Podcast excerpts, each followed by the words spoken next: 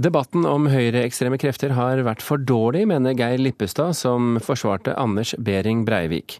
Nå har han skrevet bok om verdier og veivalg under terrorsaken, og hans egen bakgrunn er sentral. Retten er satt. Oslo tingrett skal behandle sak Da dommeren satt retten i terrorsaken for ett år siden, visste snart en hel verden hvem som skulle forsvare mannen som hadde drept 77 mennesker. Da Geir Lippestad satte seg ned hos forlaget i dag, var verken dommer, tiltalte eller fornærmede til stede. Foran ham lå boken 'Det vi kan stå for'. Rundt ham satt folk som fortsatt lurer på hva han står for. I boken forteller han hvordan han først ble motivert til å bli advokat. Min far kom ut i et økonomisk uføre, og det førte til eh, ja, tvangsaksjon av hus og den type ting. Og, og jeg ble en ganske sint ung mann. altså Jeg forsto det ikke. ikke sant? Hvordan kunne dette skje? Siden dreide motivasjonen fra egen til andres skjebne. Mot folk som hadde havnet i uføre, som var utsatt for rasisme eller for fysiske overgrep. I 1982 kom denne rapporten fra politiet til NRK.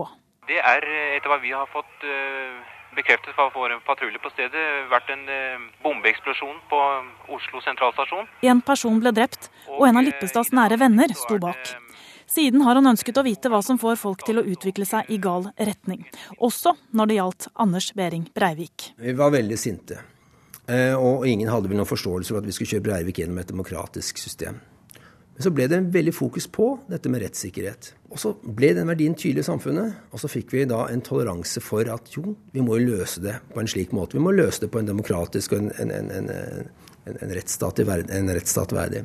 Men en del av praten om verdier forsvant på veien. Det sier Lippestad når han nå ser tilbake på året som har gått. Det vi vet, det er at Breivik er jo ikke alene om å tenke det han gjør veldig mange eh, mennesker i, i, både Norge og ikke minst resten av Europa har jo eh, tanker rundt dette med at eh, noen folk, noen kulturer, eh, ikke går sammen eller ikke passer sammen, eller noen er mer verdt enn andre. Disse menneskene ser opp til Breivik, og de har fortsatt kontakt. På den måten holder Breivik fremdeles liv i sitt eh, politiske prosjekt. Debatten om hvordan terroren kunne oppstå og fortsatt lever, har vært altfor svak, mener Lippestad. I et Europa i endring, og Norge er en del av Europa om vi vil eller ikke, med arbeidsledighet, med kanskje stigende fattigdom, med stigende usikkerhet for fremtiden, hvor, hvor tilliten til sentrale aktører blir borte, eh, så er jo dette med grunnleggende verdier ekstremt viktig. Ellers oppstår ekstremisme. Eh, og, og folkegrupper og, og, og kulturer eh, begynner å gnisse på hverandre. Og hvis man ikke greier å ta de grunnleggende debattene, eh, og, det skal styre oss, så, så kan dette bli en skummel utvikling. og Det er det jeg tar til orde for eh, i boken.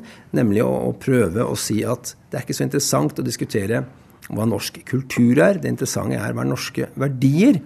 Og de som bryter de grunnleggende norske verdiene, ja, der går toleransens ytterpunkt. Etter at dommen falt, er både 22.07 og gjerningsmannen langsomt på vei ut av bevisstheten til folk som ikke ble direkte berørt.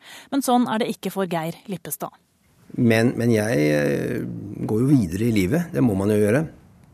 Eh, men det vil ligge med meg eh, på godt og vondt resten av livet. Men det er klart, jeg er i gang med nye oppgaver og, og, og nye gjøremål. Men den, har vært med på forme, den er med på å forme resten av livet mitt, det er jeg ganske sikker på. Reporter her, det var Pernille Amdal. Knut Magnus Berge, NRK-journalist og som mange husker kommentator under 22.07-rettssaken. Hva nytt syns du det kommer ut av denne boken? De store nyhetene finner en ikke i denne boka, men han utdyper på en god del punkter. Både når det gjelder forsvarerstrategi, og ikke minst når det gjelder Breivik i dag, hans situasjon i fengselet, og hvordan han eh, derifra eh, kommuniserer med omverdenen. Eh, der beskriver Lippestad et omfang på denne kommunikasjonen som i og for seg er nytt, og at Breivik har mange mange tilhengere der ute i mange land. Men når dette kommer med i en, en slags eh, hva skal jeg si, selvbiografi, det er jo ikke helt det heller, men en, en, på en måte når dette med Breivik kommer med, hva slags bok er det vi egentlig snakker om da? Ja, det Sjangermessig så får du jo snakke med en litteraturkritiker, de har dere jo mange av i, i dette programmet. Eh, men det er en bok eh, der Lippestad reflekterer eh, over mange av de korsveiene som var underveis i dette løpet rundt 22.07. Han drar òg inn erfaringer han har fra tidligere, familiære, om hvordan det er å ta vare på psykisk psykisk utviklingshemma barn. Andre prøvelser som han har gått gjennom, og som han mener også da herda han for den oppgaven han sto overfor når han plutselig ble bedt om å påta seg forsvaret av denne terroristen. Han var jo for noen i hvert fall kjent som forsvareren også i Benjamin-saken. Ehm, men for de aller fleste så var han jo ukjent da han kom på scenen eh, i, i, i denne saken, i, i Breivik-saken. Hvordan syns du han lykkes med den jobben han gjorde? Han lyktes jo eh, i den forstand at han eh, la til grunn en, en, verdibasert kommunikasjon. Han skjønte at han måtte snakke til hele eh, den traumatiserte nasjonen. For, forklare hva forsvarerrollen er, hvor viktig den er for rettsstaten, og hvor viktig det er for demokratiet i Norge at en klarer å behandle også en slik sak i tråd med de prinsippene som vi leve etter i Norge. Eh, det skjønte han, og derfor fikk han òg ørens lyd når han etter hvert gikk over til å skulle forklare Forsvarets strategi og de interessene som han skulle hevde på Breiviks vegne. Det at han provoserte enkelte eh, kolleger, altså andre advokater, eh, syns du det er spesielt? Eh, det, det, så vi jo eh, i hele løpet. Han hadde en spesiell stil. En stil som for mange andre advokater er, er ukjent. Han var svært åpen, også med ting som en i utgangspunktet skulle tro ikke var til klientens fordel. Og slik sett så var han kontroversiell.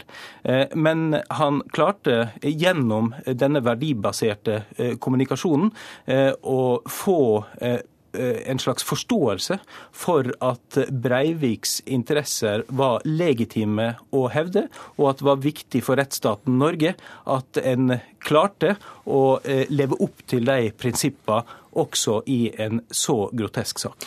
Denne boken, som altså har fått navnet 'Det vi kan stå for', um, er det også et slags, slags eh, kampskrift mot høyreekstreme krefter? Ja, han skriver jo i denne boka at Eh, han mener at for mye av debatten rundt 22.07, også i etterkant av rettssaka, har dreid seg om stenging av Grubbegata, det at politiet eh, ikke lykkes i sin operasjon osv.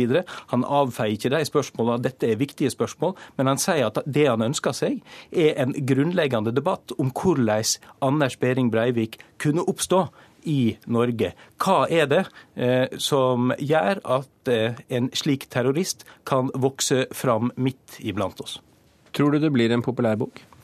Eh, jeg mener at eh, Lippestad, som eh, i fjor var årets navn både i VG og Dagbladet, i og for seg har stor fallhøgde.